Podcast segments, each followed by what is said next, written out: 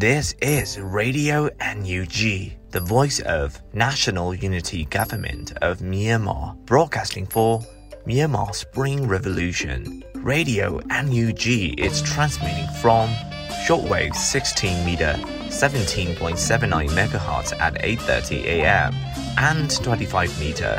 11.94 megahertz at 8:30 p.m. Myanmar Standard Time.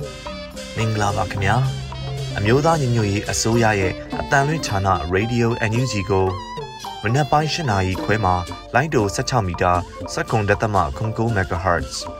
ညပိုင်း၈နာရီခွဲမှာလိုင်းတို25မီတာ17တက်သမ6 MHz တို့မှာဓာတ်ရိုက်ဖမ်းယူနိုင်နိုင်ပါပြီမင်္ဂလာအပေါင်းနဲ့ပြည့်စုံကြပါစေအခုချိန်ကစပြီး Radio NUG အစီအစဉ်တွေကိုဓာတ်ရိုက်အတန်လွှင့်ပေးနေပါပြီ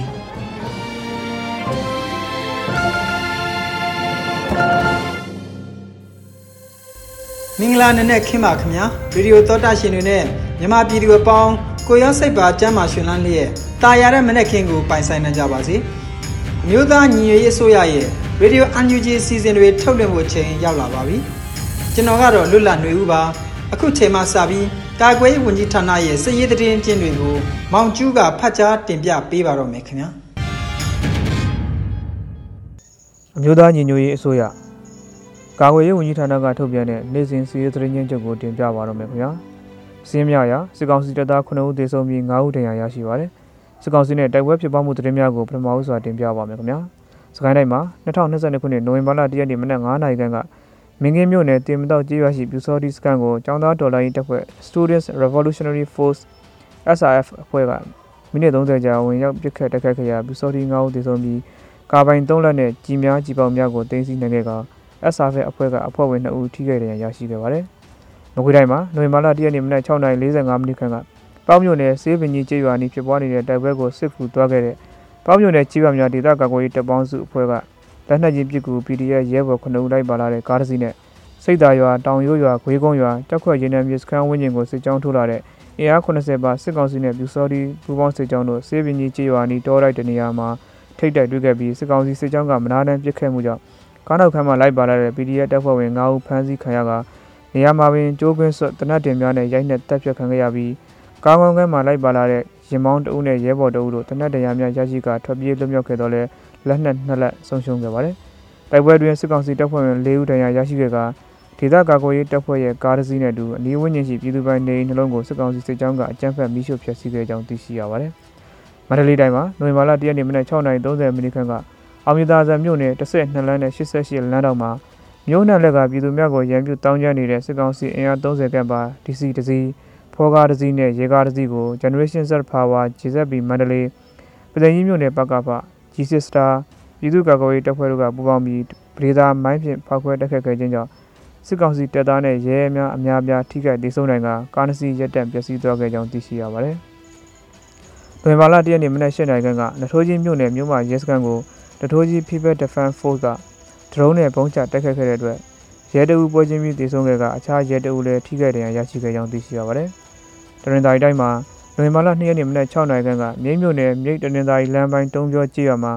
စစ်ကောင်စီဂိတ်စခန်းတစ်ခုကိုပြည်သူ့ကာကွယ်ရေးပူးပေါင်းတပ်ဖွဲ့ကဝင်ရောက်တိုက်ခိုက်ရာတိုက်ပွဲဖြစ်ပွားခဲ့ပြီးနှစ်ဖက်ပစ်ခတ်မှုကြောင့်စစ်ကောင်စီကကြေးရွာအုပ်ချုပ်ရေးမှူးတအုပ်ဖြစ်တဲ့ပြူစောဒီကောင်းဆောင်ကြီးထိမှန်တေဆုံးခဲ့ပြီး ပြည်သူ့ကာကွယ်ရေးပူးပေါင်းတပ်ဖွဲ့ကရဲဘော်တုံးထိခဲ့တဲ့ရရှိကြောင်းသိရှိရပါတယ်။စစ်ကောင်စီကကျွလွန်တဲ့ရာဇဝမှုများကြောင့်ကိုဆက်လက်တင်ပြပါမယ်ခင်ဗျာ။ကချင်ပြည်နယ်မှာနိုဝင်ဘာလ၁ရက်နေ့နေ့လယ်12:30မိနစ်ခန့်ကမြကြီးနားမြို့နယ်မြကြီးနားမြို့ပလနာကျေးရွာအမှတ်3ရဲစခန်းစစ်ဆေးရေးဂိတ်မှာဆိုင်ကယ်စီးနှင်းလာတဲ့မျိုးသားတအုပ်နဲ့အသက်9နှစ်ရွယ်ကလေးတအုပ်ကိုစစ်ကောင်စီတပ်ကဖမ်းဆီးသွားကြောင်းသိရှိရပါတယ်။ရခိုင်ပြည်နယ်မှာနိုဝင်ဘာလ၁ရက်နေ့နေ့လယ်3:00နာရီခန့်ကရေပုံမြို့နယ်အုံတော်ကျေးရွာကဆက်လီနဲ့ဘီလက်မြေသွားဝယ်တဲ့ဒေသခံပြည်သူ9ဦးကို စစ်ကောင်စီတပ်ကတရက်နဲ့လိုက်နဲ့ပစ်ခတ်ပြီးရွာကိုမိရှုံမယ်လို့ချင်းချောက်ခဲ့ကြောင်းသိရှိရပါတယ်။စကိုင်းတိုင်းမှာနွေမာလာ2ရက်နေ့ကကောလင်းမြို့နယ်ရွာမကြေးရွာကြီးစစ်ကောင်စီတပ်သားများကပြည်သူနေအိမ်များကငါးမူသားရွှေဆွဲကြိုးတစ်ကုံရွှေဆွဲသီးတစ်ခုငွေသား340ခန့် laptop တစ်လုံး smartphone တစ်လုံးတို့ကိုယူဆောင်ထွက်ခွာသွားခဲ့ကြောင်းသိရှိရပါတယ်။ယခုတင်ပြခဲ့တဲ့နေ့စဉ်စီးရီးသတင်းချင်းချုပ်ကိုရေပြင်သတင်းတာဝန်ခံများနဲ့သတင်းဌာနများကဖော်ပြထားတဲ့အချက်များပေါ်အခြေခံပြုစုထားတာဖြစ်ပါတယ်။ ကျွန်တော်မောင်ကျူပါ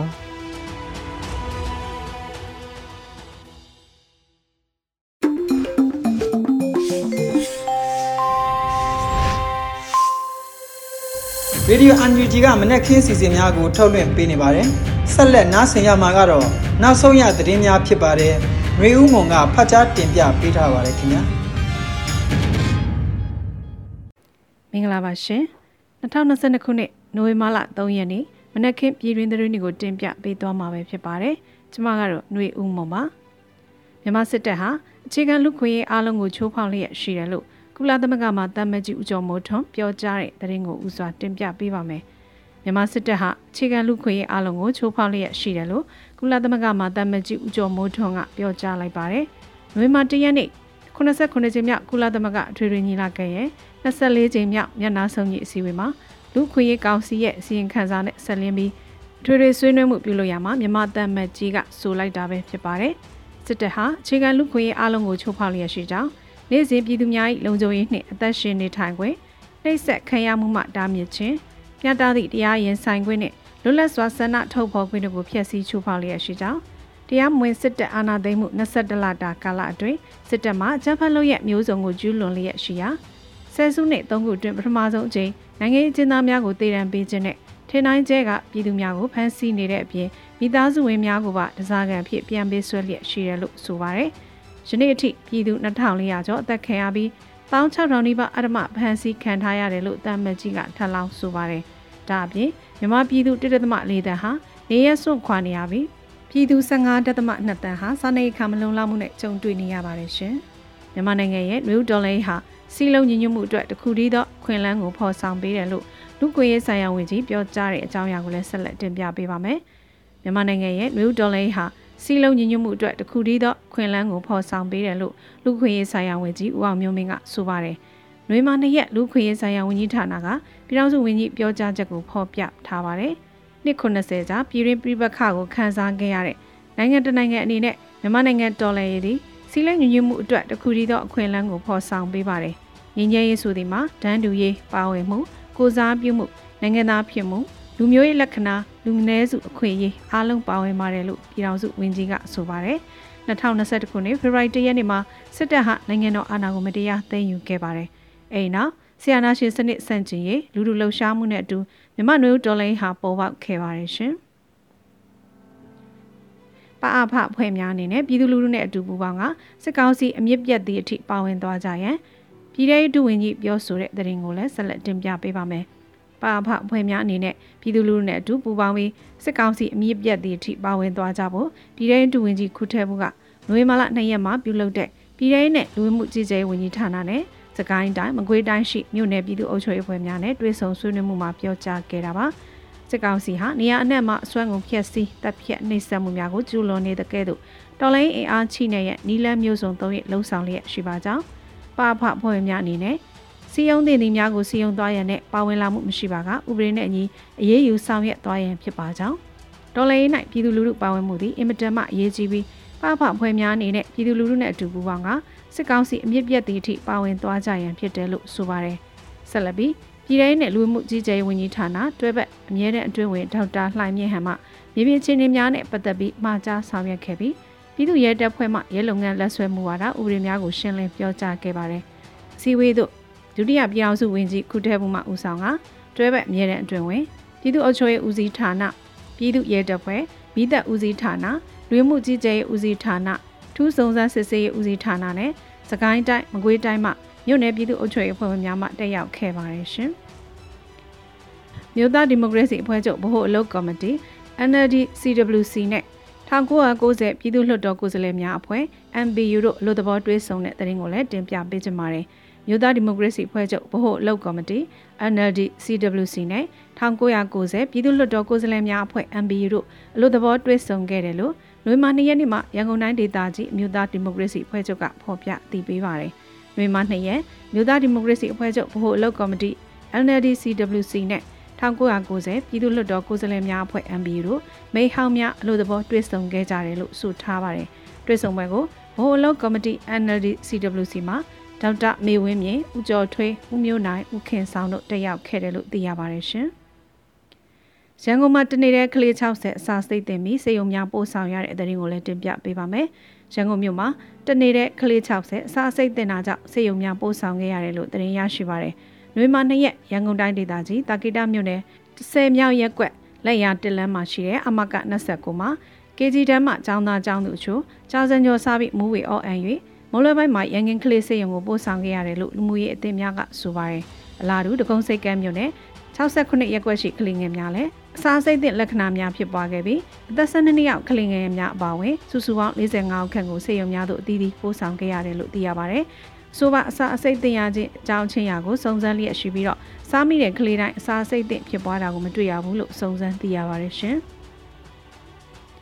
စစ်ကောင်စီကကျင်းပမယ်ပြည်ဦးလွင်မိဘမြန်ပွဲတော်တို့ပြည်သူများတွားရောက်လက်ပတ်ချင်းမပြုရန်တော်လိုင်းအေယာစု73ဘွဲကမြစ်တာရက်ခန့်တဲ့တဲ့ရင်ကိုလည်းတင်ပြပေးကြပါမယ်စစ်ကောင်စီကကျင်းပမယ် ပြည်ဦးလွင်မိဘမြန်ပွဲတော်တို့ပြည်သူများတွားရောက်လက်ပတ်ချင်းမပြုကြဖို့တော်လိုင်းအေယာစု73ဘွဲကမြစ်တာရက်ခန့်လိုက်ပါတယ်နွေမ2ရက်နေ့မှာလက်နက်ကိုင်းတော်လန်နေတဲ့တော်လိုင်းအေယာစုများမှာပြည်သူများအားမြစ်တာရက်ခန့်အသိပေးထုတ်ပြန်ခဲ့ပါတယ်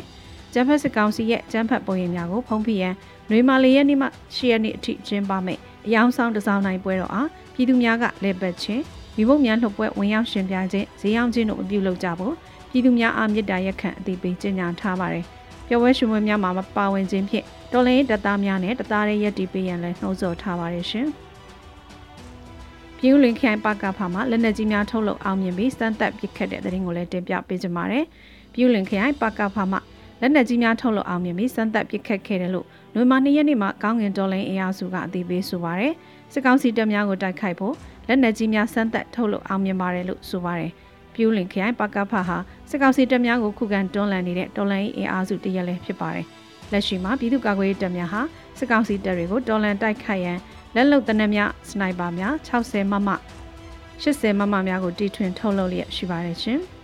။ကော်ရာစစ်ကြောင်းမှစနိုက်ပါရဲဘော်ပစ်ခတ်တာကြောင့်ကျန်းဖက်စစ်ကောင်စီတပ်သား2ဦးသေဆုံးတဲ့တဲ့ရင်ကိုလည်းတင်ပြပေးကြပါမယ်။ကီပြည်နယ်မှာကော်ရာစစ်ကြောင်းမှစနိုက်ပါရဲဘော်ပစ်ခတ်၍ကျန်းဖက်စစ်ကောင်စီတပ်သား2ဦးသေဆုံးခဲ့တယ်လို့သိရပါဗျ။ လွေမာနီရက်နေ့ကင်းပြည်နယ်ရွှေညောင်မင်းနယ်မြေမှာကျူးကျော်ရန်စူးစမ်းလာတဲ့စစ်ကောင်စီတပ်များကိုပစ်ခတ်ခဲ့တယ်လို့ကော်ရာစစ်ကြောင်းကအတည်ပြုဆိုပါတယ်။နိုဝင်ဘာ2ရက်နေ့ရွှေညောင်မင်းနယ်မြေမှာကျူးကျော်ရန်စူးစမ်းသည့်အကြမ်းဖက်စစ်ကောင်စီတပ်မှ44လက်အောက်ခံနီးဗျူဟာ44တရဲ့တိုက်ခိုက်ရေးတရင်ခလာရ239နဲ့ KNL တရင်20ခွန်ကော်ဘရာပူပေါင်းစစ်ကြောင်းမှစနိုက်ပါစစ်သည်များရဲ့လက်ချက်ဖြင့်ဂျမ်ဖတ်စစ်ကောင်စီဘက်မှ2ဦးသေဆုံးခဲ့တယ်လို့ဆိုပါတယ်။ စစ်မြေပြင်တရင်အတီးပြုချက်အရပြည်သူရဲဘော်များအထိခိုက်မရှိဘူးလို့သတင်းရရှိပါတယ်ရှင်။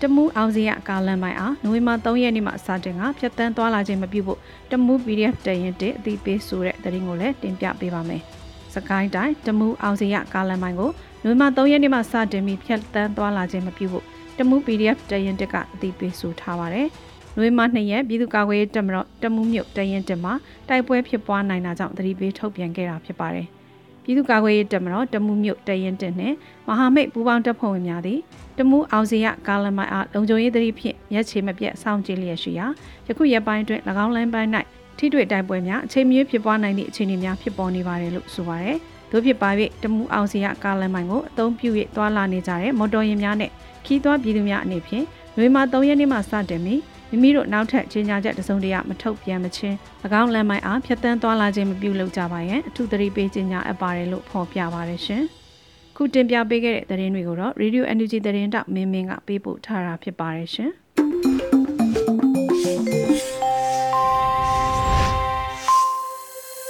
တောတာရှင်များခင်ဗျာ Radio UNG ရဲ့နောက်ဆုံးရသတင်းများကိုနားဆင်ခဲ့ကြရတာပါ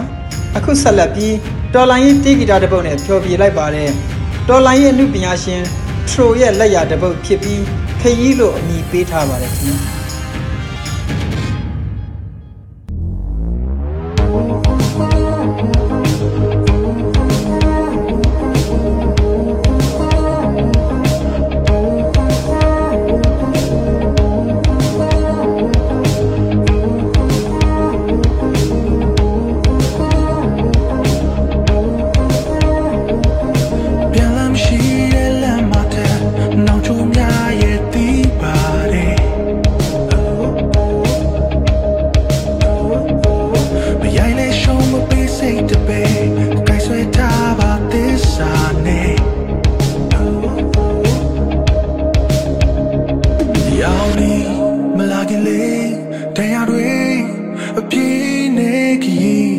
到没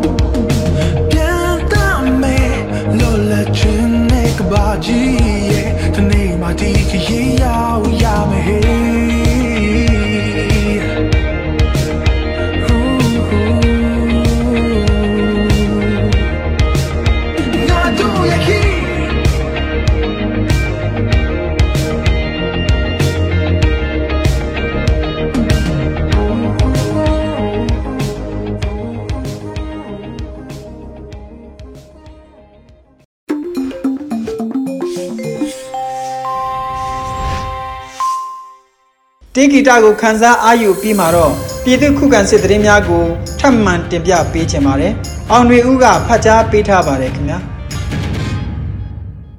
မြန်မာနိုင်ငံသူနိုင်ငံသားပေါင်းစရောကိုပါငြိမ်းချမ်းကြပါစေကြောင်းဆုတောင်းမေတ္တာပို့သလိုက်ရပါတယ်။ခုချိန်ကစပြီးတိုင်းရင်းသားညီနောင်အင်အားစုတွေပြည်သူ့ကာကွယ်ရေးတပ်မတော် PDF တပ်သားတွေနဲ့ပြည်သူလူထုတို့ရဲ့အရှင်အုံမြင့်မာလာတဲ့တိုက်ပွဲသတင်းတွေကိုစုစည်းတင်ဆက်ပေးတော့မှာဖြစ်ပါတယ်။ကျွန်တော်အောင်နေဦးပါ။ ပထမဦးစွာနထိုးကြီးရဲစခန်းဒရုန်းဖြင့်ဘုံတိချတိုက်ခိုက်ခံရတဲ့သတင်းကိုတင်ဆက်ပါမယ်။မန္တလေးနထိုးကြီးရဲစခန်းကိုဒရုန်းဖြင့်ဘုံတိချတိုက်ခိုက်ခံရပြီးရဲတအူးတည်ဆုံးခဲ့ကြောင်းနထိုးကြီး PDF အဖွဲ့ထံမှသိရပါတယ်။အော်တိုဘာ၁ရက်နေ့နနက်၈နာရီခန့်တွင်နထိုးကြီးမြို့မရဲစခန်းကိုနထိုးကြီး PVT Defense Force အဖွဲ့မှဒရုန်းဖြင့်ဘုံတိချတိုက်ခိုက်ခဲ့ရာအပေါက်ဝတွင်ကင်းဆောင်နေသည့်အကြမ်းဖက်စစ်ကောင်စီလက်အောက်ခံရဲတအူးတည်ဆုံးပြီး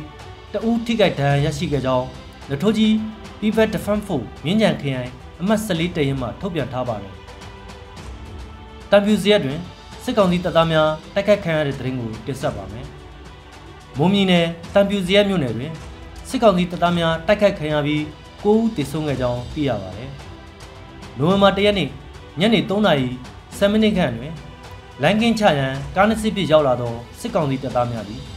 ဝက်ခမီရွာနှင့် ရွာသားရေးရွာအကြားတွင် ကားပေါ်မှဆင်းလာပြီးခြေချင်းတက်လာစဉ်ပစ်ခတ်တိုက်ခတ်ခံရပြီး၄ဦးသေဆုံးခဲ့ခြင်းဖြစ်ပါတယ်။ည9နာရီခန့်တွင်လည်းစစ်ကောင်စီတပ်သားများလိုက်ပါလာသောကား6စီးသည်တံပြူစရက်မြို့မှရေးမြို့ဘက်သို့တွားစဉ်ရွာသားရေးရွာအရောက်၌ခြေချင်းတက်လာစဉ်ရွာသားရေးရွာနှင့်ပိန်းနရောရွာအကြားရောက်၌ထပ်မံပစ်ခတ်တိုက်ခတ်ခံရပြီးစစ်သား9ဦးသေဆုံးခဲ့ပါတယ်။မောင်းတော်နဲ့ချင်းမီနယ်ပလောဝတွင်စစ်ကောင်စီတပ်နှင့် AA တို့ တိုက်ပွဲဖြစ်တဲ့တဲ့ရင်တွေကိုဆက်လက်တင်ဆက်ပါမယ်။ရခိုင်ပြည်နယ်မောင်းတော်မြို့နယ်မြောက်ပိုင်းတွင်စစ်ကောင်စီရင်တစည်းမိုင်းဆွဲတိုက်ခတ်ခံရပြီးပလောဝမြို့နယ်တွင်လည်းစစ်ကောင်စီတပ်နှင့်ရခိုင်တပ်မတော် AA တို့နှစ်ဖက်တိုက်ပွဲဖြစ်ပွားခဲ့ကြောင်း AA ထံမှသိရပါတယ်။နိုဝင်ဘာ2ရက်မနက်ပိုင်း9:00နာရီအချိန်ခန့်တွင်မောင်းတော်မြို့နယ်မြောက်ပိုင်းကြက်တက်ပြင်ရွာအနီးတွင်စစ်ကောင်စီရင်တစည်းကိုရခိုင်တပ်မတော် AA ကမိုင်းဆွဲတိုက်ခတ်ခဲ့ပြီးစစ်ကောင်စီဘက်ကထိခိုက်ဒေဆုံးမှုများရှိခဲ့ကြောင်း ရခိုင်တပ်မတော် AA ပြောရေးဆိုခွင့်ရှိသူခိုင်တုခကပြောပါတယ်။နောက်ဆုံးတစ်ဆက်မှာကတော့ကော့ကရိတ်မြို့နယ်အနီးတွင် Lion Battalion ပူးပေါင်းအဖွဲ့နဲ့စစ်ကောင်စီတပ်တိုက်ပွဲဖြစ်ပွားခဲ့တဲ့တဲ့ရင်ကိုတင်ဆက်မှာဖြစ်ပါတယ်။ကရင်ပြည်နယ်ကော့ကရိတ်မြို့နယ်အနီးတွင်အကြမ်းဖက်စစ်တပ် BGF ပူးပေါင်းတပ်နဲ့ Lion Battalion ပူးပေါင်းတပ်ဖွဲ့များအကြားနိုဝင်ဘာ၁ရက်နေ့ယမနေ့၌အနီးကပ်တိုက်ပွဲဖြစ်ပွားခဲ့ပြီးစစ်ကောင်စီဘက်မှ24ဦးခန့်တေဆုံးက Lion Battalion ပူးပေါင်းဖွဲ့မှတအူးကြာဆုံးကြောင်းသတင်းရရှိပါတယ်။နိုဝင်ဘာ၁ရက်နေ့မွန်းလယ်ပိုင်းတွင် ကော့ကရိတ်မြို့နယ်အနီးကိုစိုးမိုးထားသောဘိုးအက်ဆေဝါဥဆောင်သည့် Lion Battalion နှင့်ပူးပေါင်းတပ်များကိုစစ်တပ် BGF ကထိုးဆက်ဆင်လာပြီးအနိကထိတွေ့တိုက်ပွဲပုံစံဖြစ်ပွားခဲ့ကစစ်ကောင်စီတပ်နှင့် BGF မှ24ဦးသေဆုံးခဲ့ကြောင်း Lion Battalion Commando စစ်ကြောင်းမှပြန်ကြားရေးဖွဲ့ကပြောဆိုပါတယ်။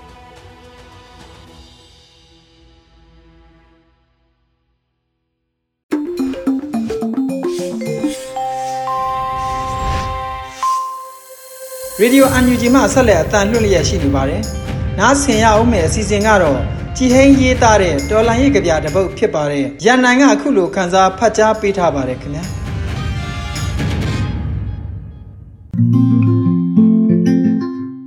ကျိုးစဉ်ကျင်ဆိုအသီးမခုကိုင်းအပင်ကိုပိုင်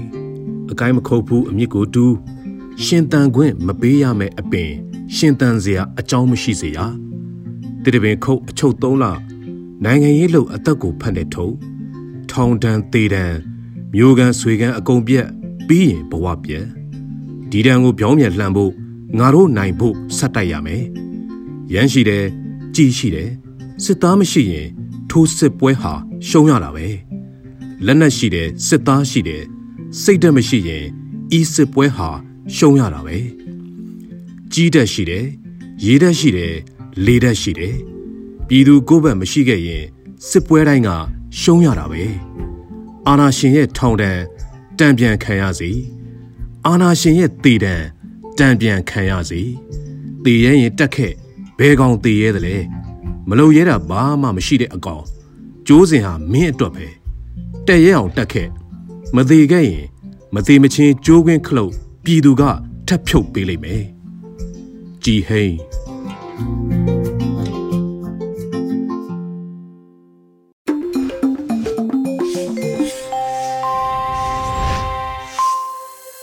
တာရှင်များခင်ဗျာရေဒီယိုအန်ယူဂျီရဲ့နောက်ဆုံးစီစဉ်အနေနဲ့ PPTV ရဲ့နေ့စဉ်သတင်းတွေကိုတော့ထက်ထက်အင်ဒရာအောင်ကဖတ်ကြားပေးပါဦးမယ်ခင်ဗျာ ထမဆုံးတင်ဆက်ပေးမယ့်သတင်းကတော့ကာကွယ်ရေးဝန်ကြီးဌာနပြည်ထောင်စုဝန်ကြီးနဲ့လူလူတော်လှန်ရေးမဟာမိတ်အင်အားစုတို့ကြားတွဲဆုံဆွေးနွေးမှုတွေပြုလုပ်ခဲ့တဲ့ဆိုတဲ့သတင်းမှာအမျိုးသားညီညွတ်ရေးအစိုးရကာကွယ်ရေးဝန်ကြီးဌာနပြည်ထောင်စုဝန်ကြီးဦးရီမွန်နဲ့လူလူတော်လှန်ရေးမဟာမိတ်အင်အားစုတို့ရဲ့တာဝန်ရှိသူတွေကြားတွဲဆုံဆွေးနွေးမှုတွေပြုလုပ်ခဲ့လို့ကာကွယ်ရေးဝန်ကြီးဌာနကနိုဝင်ဘာလ၁ရက်နေ့ရက်စွဲနဲ့သတင်းထုတ်ပြန်လိုက်ပါတယ်။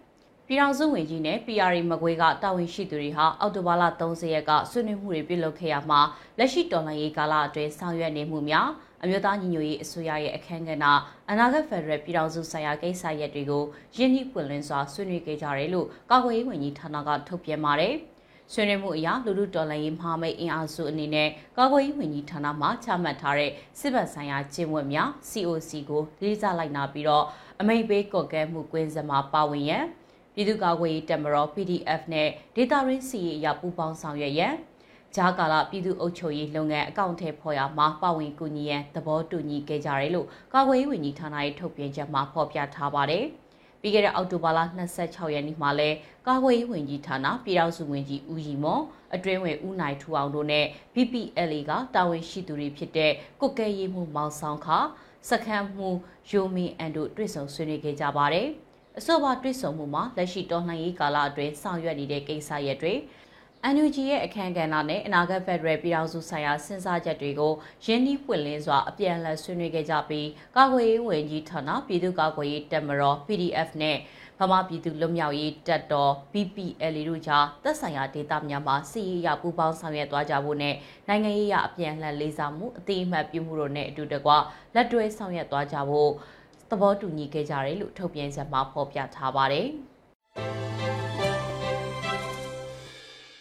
ရခိုင်တပ်တော် AA နဲ့အကြမ်းဖက်စစ်တပ်တို့ကြားအောက်တိုဘာလနောက်ဆုံးပတ်အတွင်းတိုက်ပွဲတွေစက်တိုက်ဖြစ်ပွားခဲ့ပြီးတော့အကြမ်းဖက်စစ်တပ်က24ဦးထပ်မံတေဆုံးက26ဦးထပ်မံဒဏ်ရာရခဲ့တယ်လို့လက်နက်ခဲယမ်းတွေတင်းစီရမိခဲ့တယ်လို့ရခိုင်တပ်တော် AA ကမနေ့ကထုတ်ပြန်လိုက်ပါတယ်။ရသေးတောင်မြို့နယ်ဘူးသီးတောင်မြို့နယ် မြောက်ဦးမြို့နယ်ကြောက်တော်မြို့နယ်မောင်တော်မြို့နယ်နဲ့ပလောဝမြို့နယ်တွေမှာအောက်တိုဘာလ26ရက်ကနေ31ရက်နေ့အတွင်းဖြစ်ပွားခဲ့တဲ့တိုက်ပွဲအခြေအနေတွေကိုထုတ်ပြန်ခဲ့တာဖြစ်ပြီးတော့အဲ့ဒီတိုက်ပွဲတွေမှာလက်နက်ခဲယမ်းအနေနဲ့ရရှိခဲ့တယ်လို့ဓာတ်ပုံတွေနဲ့အတူဖော်ပြခဲ့ပါတယ်။တတိုက်ပွဲတွေအနက်အော်တိုဘာလ26ရက်ရတိတောင်မြို့နယ်ချန့်ခါလီရွာနီးတိုက်ပွဲအတွင်းရန်သူဘက်က၄ဦးသေဆုံးပြီးလက်နက်ငယ်နှစ်လက်နဲ့ခဲရန်တချို့သိမ်းဆည်းရမိခဲ့တယ်လို့အေအေရဲ့ထုတ်ပြန်ချက်မှာဖော်ပြထားပါတယ်။ ဒါပြင်အော်တိုဘာလ28ရက်နေ့ဘူးသီးတောင်မြို့နယ်တောင်ရွာမွတ်စလင်ကြီးရွာအနီးတိုက်ပွဲမှာတော့3နာရီခွဲကျော်ကြာမြင့်ခဲ့ပြီးတော့တိုက်ပွဲအတွင်းရန်သူဘက်က17ဦးမျက်မြင်သေဆုံးကတရားရရှိသူ15ဦးထက်ရှိခဲ့တယ်လို့အေအေကအသိပေးထားပါတယ်။ပလဝမြို့နယ်ဘေးဝရွာအနီးမှာရှိတဲ့အကျန်းဖက်စစ်ကောင်စီတပ်စခန်းကိုလည်းအေအေကအောက်တိုဘာလ29ရက်မှာတိုက်ခိုက်ခဲ့ရမှာအကျန်းဖက်စစ်ကောင်စီတပ်ကတအူးသေးတအူးဒဏ်ရာရရှိခဲ့ကြောင်းထုတ်ပြန်ထားပါတယ်။ အောက်တိုဘာလ31ရက်နေ့ကလည်းမောင်တော်မြို့နယ်မြောက်ပိုင်းတာယာကုန်းရခိုင်ရွာအနီးတိုက်ပွဲဖြစ်ပွားရာအကြမ်းဖက်စစ်တပ်က3ဦးသေဆုံးကဒဏ်ရာရရှိသူ10ဦးခန့်ရှိခဲ့တယ်လို့ဖော်ပြထားပါတယ်။အဲ့ဒီတိုက်ပွဲမှာအကြမ်းဖက်စစ်တပ်ရဲ့လက်နက်ခဲယမ်းစစ်သုံးဆောင်ပစ္စည်းတွေကိုတင်စီရမိခဲ့ကြောင်းအေအေကထုတ်ပြန်ထားပါတယ်။အထိနာတဲ့အကြမ်းဖက်စစ်တပ်ကအရက်သားပြည်သူတွေကိုပြစ်မှတ်ထားပြီးတော့ကြေးရွာတွေကိုလက်နက်ကြီးတွေနဲ့ပစ်ခတ်တာကိုနေရအနှံ့မှာလှုပ်ဆောင်ခဲ့ပါတယ်။ အဲ့ဒီလိုအကြမ်းဖက်စစ်တပ်ရဲ့ပြည်သူကိုပြစ်မှတ်ထားတိုက်ခိုက်မှုတွေကြောင့်အော်တိုဘာလအတွင်းရခိုင်ဒေသခံအရက်သားပြည်သူ6ဦးသေဆုံးက22ဦးဒဏ်ရာရရှိခဲ့ပြီးကျွဲနွားတရိษံအချို့ထိခိုက်သေဆုံးခဲ့တယ်လို့အေအေကထုတ်ပြန်ခဲ့ပါတယ်။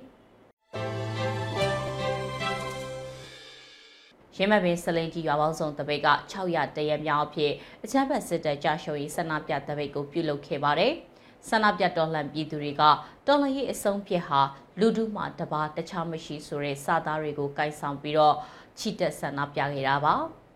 ကချင်ပြည်နယ်ဖားကတ်မြို့မှာဖားကတ်မော်လဲတပိတ်အဖွဲ့ကကျပ်ဘတ်စစ်တပ်ကြာရှုံးရင်းနဲ့အနံပါမှာကြာဆုံးခဲ့ရတဲ့ပြည်သူတွေအတွက်ဝမ်းနေခြင်းအထိမ်မှတ်ချီတက်ဆန္ဒပြတာကိုပြုလုပ်ခဲ့ပါတယ်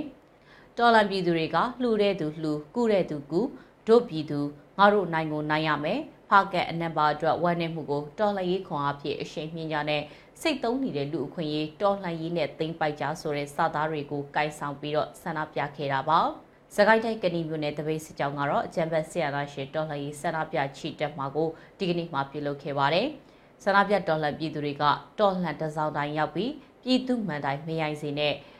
တမကနန်တဘောသူခေါ်စီလုံးညီညွတ်ခြင်းသည်ချမ်းသာကိုဆောင်ဤကဏီမြို့နယ်တပိတ်စစ်ကြောင်းငားမြင့်ဆောင်ကာနနာလူလူတပိတ်ဆိုတဲ့စသားတွေကိုကိုက်ဆောင်ပြီးတော့ချီတက်ခဲ့တာပါရင်းမပင်မြို့နယ်ရွှေနွယ်သွေးတပိတ်စစ်ကြောင်းက942ရက်မြောက်ဖြစ်ဆင်ရနာရှင်စန့်ကြီးဆန္ဒပြတပိတ်ကိုဒီကနေ့မှပြုလုပ်ခဲ့ပါတယ်ဆန္ဒပြတော်လှန်ပြည်သူတွေကသွေးမအေးတဲ့ရွှေနွယ်သွေးဆိုတဲ့စသားကိုကိုက်ဆောင်ပြီးတော့ဆင်ရနာရှင်အမြင့်ပြည့်ရေးချီတက်ခဲ့တာပါ ရင်းမပင်မြို့နယ်ရွှေအုတ်ကန်တပိတ်စစ်ကြောင်းကဒီကနေ့မှချီတက်ဆန္ဒပြပွဲတစ်ခုပြုလုပ်ခဲ့ပါတယ်။ဆန္ဒပြတော်လှန်ပြည်သူတွေကအရမကိုအမြင့်ဖြတ်တော်လှန်လမ်းမပေါ်ကရွှေအုပ်ကန်လူလူတပိတ်စစ်ကြောင်းဆိုတဲ့စာသားကိုကင်ဆွဲပြီးတော့ချီတက်ခဲ့တာပါ။ရှေမမေမြို့နယ်မြောက်ချမ်းဆီယနာရှင်စန့်ချီညနေခင်းတပိတ်အင်အားစုကဒီကနေ့မှချီတက်ဆန္ဒပြပွဲပြုလုပ်ခဲ့ပါတယ်။ ဆန္ဒပြတော်လှန်ပြည်သူတွေကရင်းမပင်မြောက်ချမ်းတပိတ်အင်အားစုဖားကတ်အနံပါအတွက်ဝမ်းနေမှုကိုတော်လှန်ရေးခွန်အားဖြင့်အရှိန်မြင့်ကြဆိုတဲ့စာသားတွေကိုကိုက်ဆွဲပြီးတော့လှည့်လည်ခဲ့တာပါဆန္ဒပြတော်လှန်ပြည်သူတွေကနယ်မြေမငြိမ်သက်မှုတွေကြားထဲကနေပဲအကြမ်းဖက်စစ်တပ်ကြောက်ရွံ့ရေးဆန္ဒပြတပိတ်ကိုနေ့စဉ်ပြုလုပ်နေကြပါတယ်